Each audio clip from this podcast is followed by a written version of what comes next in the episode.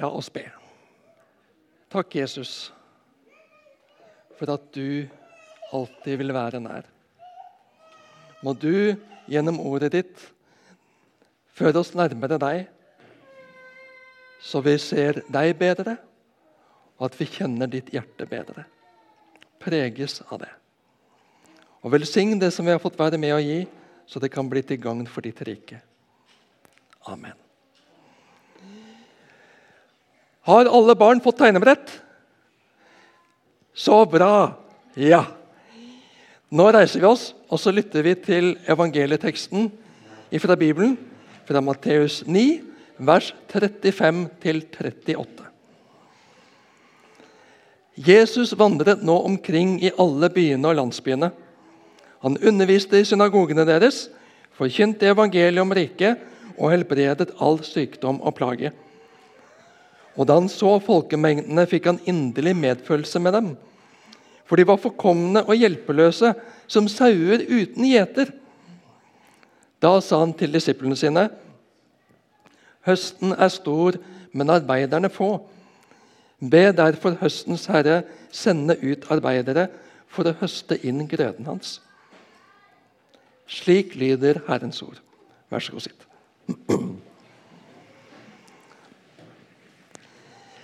Jesus vandret omkring i alle byene og landsbyene. Til tross for ulike kulturer og at det var en helt annen tid, så trenger vi også i Kristiansand i dag i 2022 å være blant vanlige folk. Liv Reidun Finseth rusler i markens og kommer i kontakt med folk som naturligste ting i verden. MUF har noen evangeliseringslørdager hvor de er ute på byen for å komme i kontakt med folk. Hvordan kommer du i kontakt med folk utenfor familie og menighet? På arbeidsplassen, kanskje? Gjennom felles hobbyer og interesser, kanskje? Kanskje når du lufter hunden? Jeg er veldig glad for å få være pastor her i Misjonshuset. Og jeg kan ikke tenke meg å bytte med noen. Her vil jeg være. Men jeg kan kjenne det at jeg kan savne kontaktflaten som folkekirkepresterollen ga meg. Jeg var sokneprest i år i Hallingdal før jeg kom hit til Misjonshuset Kristiansand for snart fire år siden. Og Som prest i Den norske kirke så kom jeg i naturlig kontakt med veldig mye forskjellige folk i bygdene i Ål. Hvordan kommer jeg, hvordan kommer du i kontakt med folk nå? Noen er fotballtrenere. Noen jobber frivillig på gjenbruken. Andre tar på seg verv i borettslaget, i politikken. Er det noen i nabolaget som trenger et menneske å tilbringe tid i lag med. Om du ikke har noe per nå, vil du be over det? Kan du be over det? La oss be om at Gud må åpne en dør, så du kan komme i kontakt med mennesker som ennå ikke bekjenner troen på Jesus på en naturlig måte. Jesus var i kontakt med helt vanlige folk. Og Han underviste i synagogene når han ble gitt anledning til det. Og han forkynte evangeliet om Guds rike og helbredet syke. Jesus hadde omsorg for hele mennesket, både sjel, ånd og kropp. Så har jeg behov for å korrigere meg selv. Du og jeg er også vanlige folk. Vi har ikke et bilde av oss selv for å være verken bedre eller dårligere enn folk flest. Men det jeg mener, det er at Jesus var i kontakt med bredden av folket i byene og landsbyene. Han var ikke bare i kontakt med sin gjeng, med sine meningsfeller. Han underviste og nyttet anledningen når den ble gitt han, der folk var interessert og gikk i Guds hus. Og så var det en kultur for å stille seg opp og forkynne på gater og torg. Og det er jo ulike gatemøter og appeller på torg og der folk passerer og samles i samfunnet vårt også. Og jeg syns det var utrolig flott å se den store folkemengden på torget 17. mai klokka to samla til tverrkirkelig møte. Tverrkirkelig møte med Ansgar Gospel og andakt ved Christian Lande.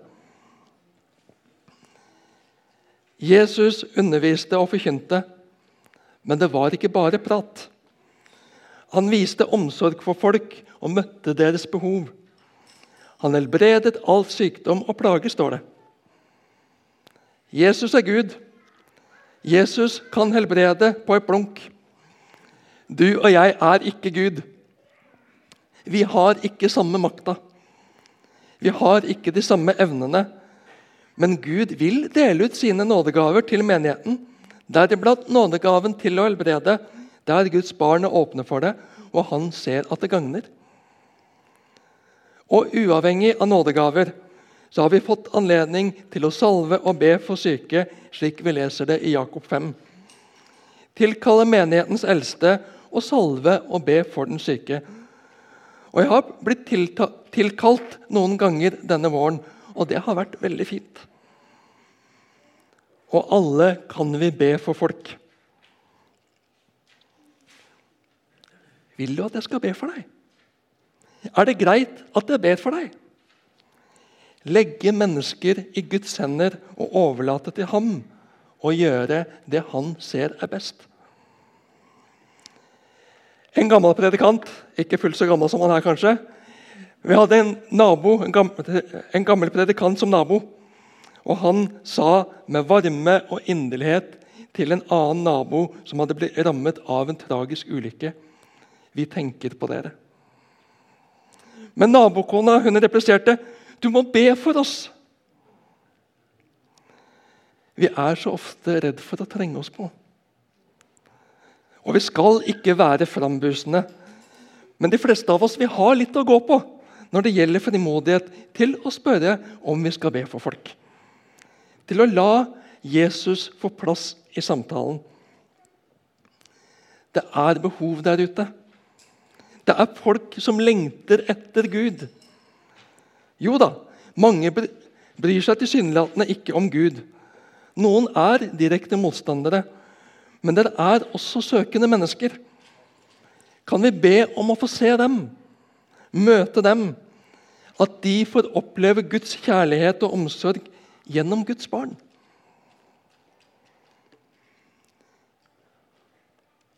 Da Jesus så folkemengdene, fikk han inderlig medfølelse med dem. Hvordan ser vi på folk? Hva ser vi? Hvilket blikk møter vi mennesker rundt oss med? Ser vi motstandere? Eller ser vi mennesker som Gud elsker? Og jeg skulle så gjerne vært et godt forbilde i dette. Jeg skulle så gjerne kunne sagt 'se på meg og gjør som meg'.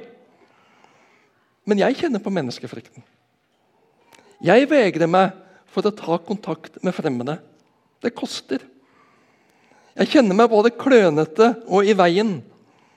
Jeg er så redd for å bry folk å være invaderende, blande meg inn.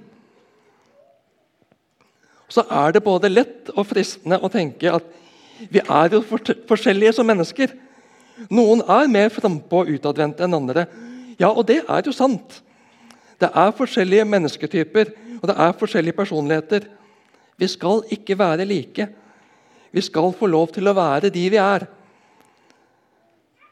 Men så trenger vi alle mennesker rundt oss. Ensomhet er et voksende samfunnsproblem.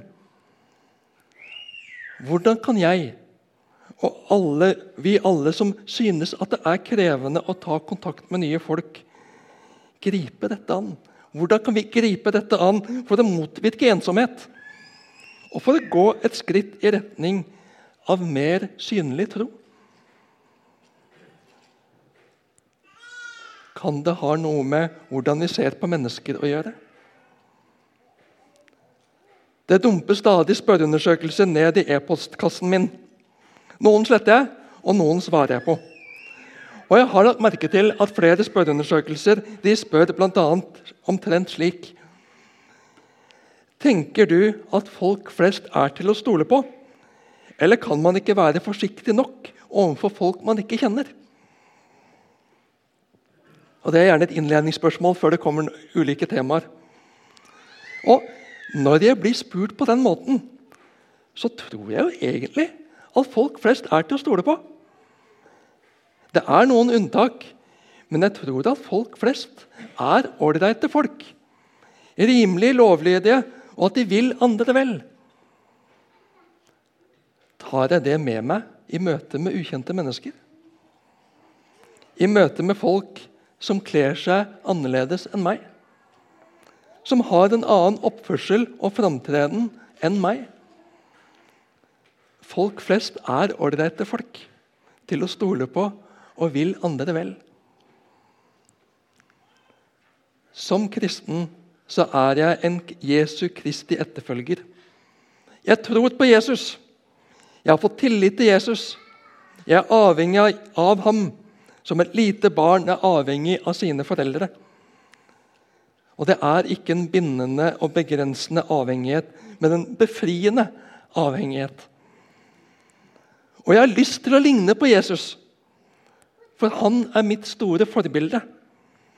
Jesus er først og fremst min Gud, min frelser, min Herre.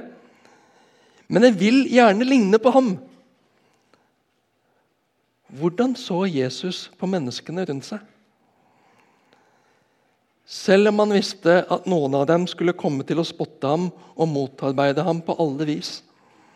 Selv om noen av dem ville ta ham til fange, torturere og drepe ham, så hadde han inderlig medfølelse med folk.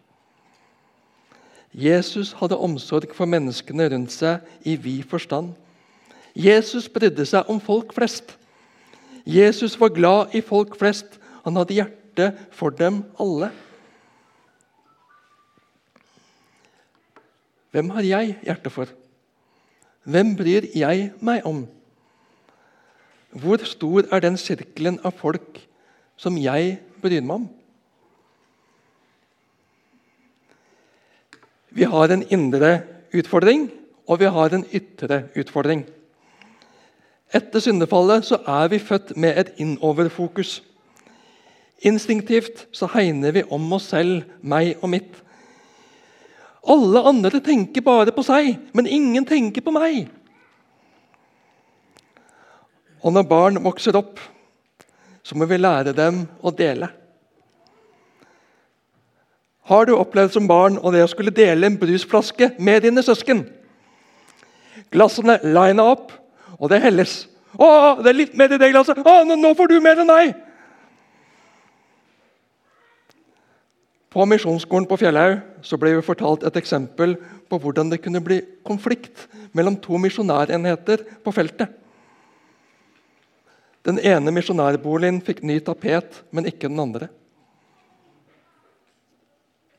Det er banalt og nesten pinlig når vi får det presentert på den måten.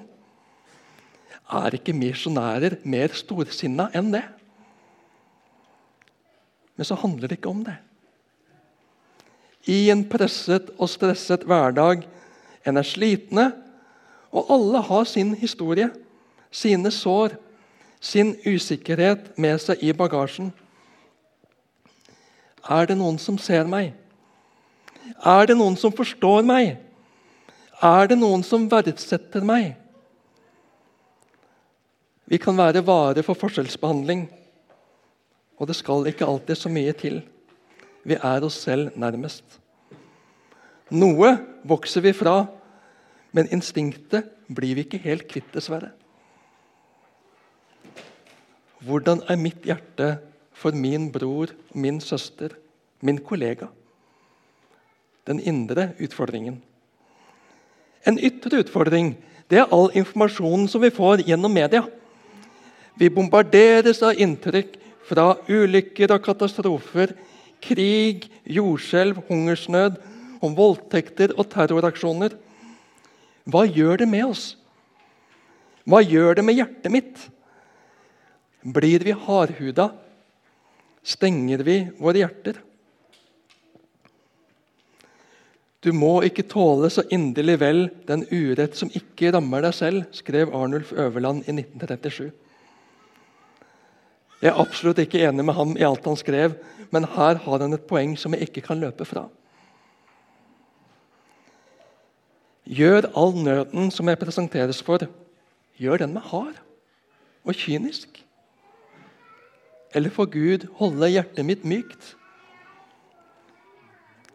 Guds ord er ærlig og sier at i de siste tider skal kjærligheten bli kald hos de fleste.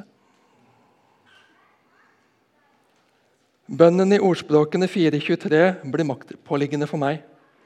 Bevar ditt hjerte framfor alt du bevarer, for livet går ut fra det.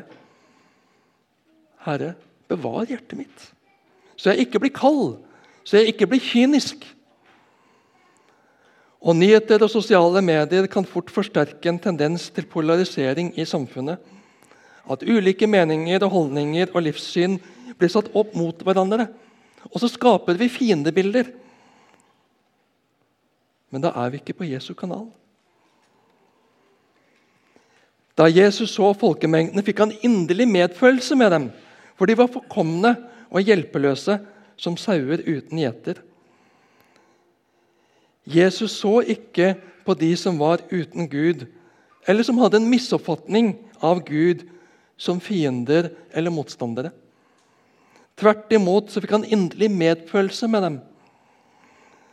Selv om noen av dem var ledere og hadde makt og posisjon, så var de forkomne og hjelpeløse som sauer uten gjeter. Jeg har hørt det sagt som et tips til folk som gruer seg for å stå foran en forsamling og snakke. Kanskje er tilhørerne både ledere og folk som kan mye om det du skal snakke om. Se deg for dem sittende der nakne. Da blir de ikke så farlige. Folk kan skjule seg bak makt og posisjoner, god utdannelse og flotte klær. Men til syvende og sist så er vi alle bakom fasadene sårbare mennesker. Med gode og vonde erfaringer som trenger å bli sett, likt og verdsatt.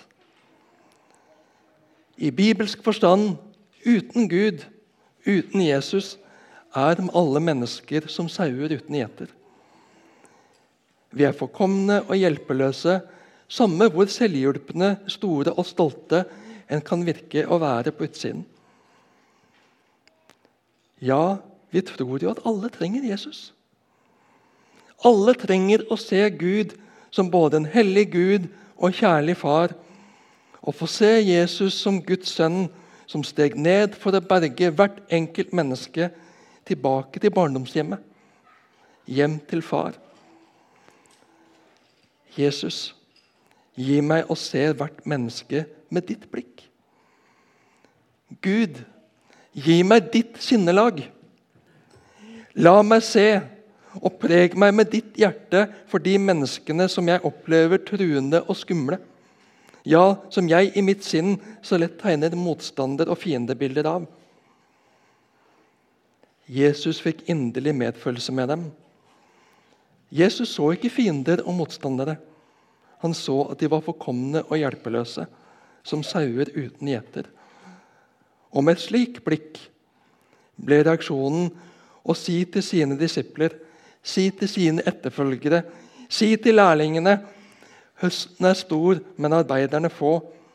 Be derfor høstens herre sende ut arbeidere for å høste inn grøden hans. Vi kan ikke ta oss sammen for å få hjertet for andre. Men vi kan se på Jesus. Og vi kan se på Jesus.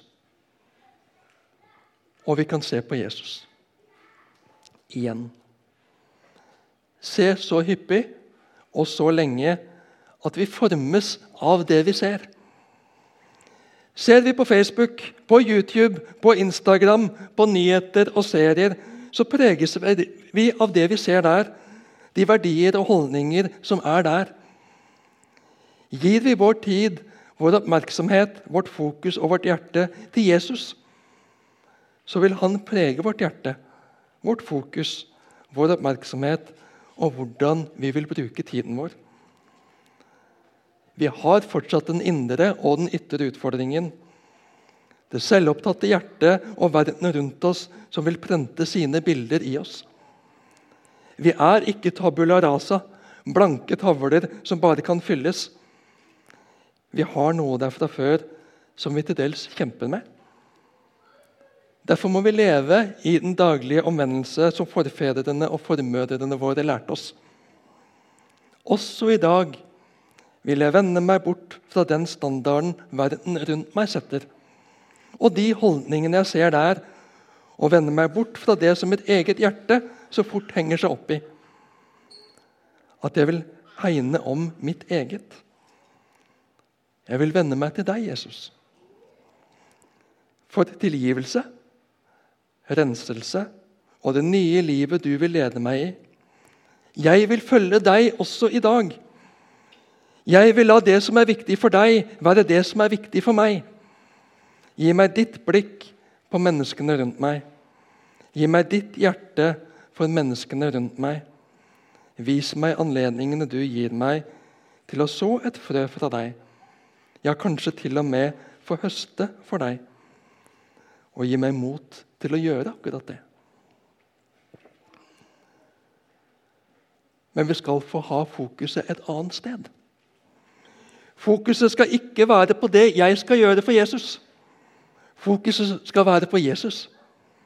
Få takke ham for alt han er, har gjort og gjør for oss. Og be ham om å sende ut arbeidere for å høste inn grøden hans. For grøden er hans, ikke vår. Arbeidet er hans, ikke vårt. Og menneskene rundt meg, ja, de som bor i Jemen og Indonesia, Nord-Korea og Afghanistan, Japan og Bolivia, de er hans elskede folk. Enkeltmennesker som Jesus døde for å åpne himmelveien for. De er mennesker Jesus så det verdt å dø for. Ja, han gjorde det, for han ville gjøre det som sto i hans makt for å føre dem tilbake til far. La oss be.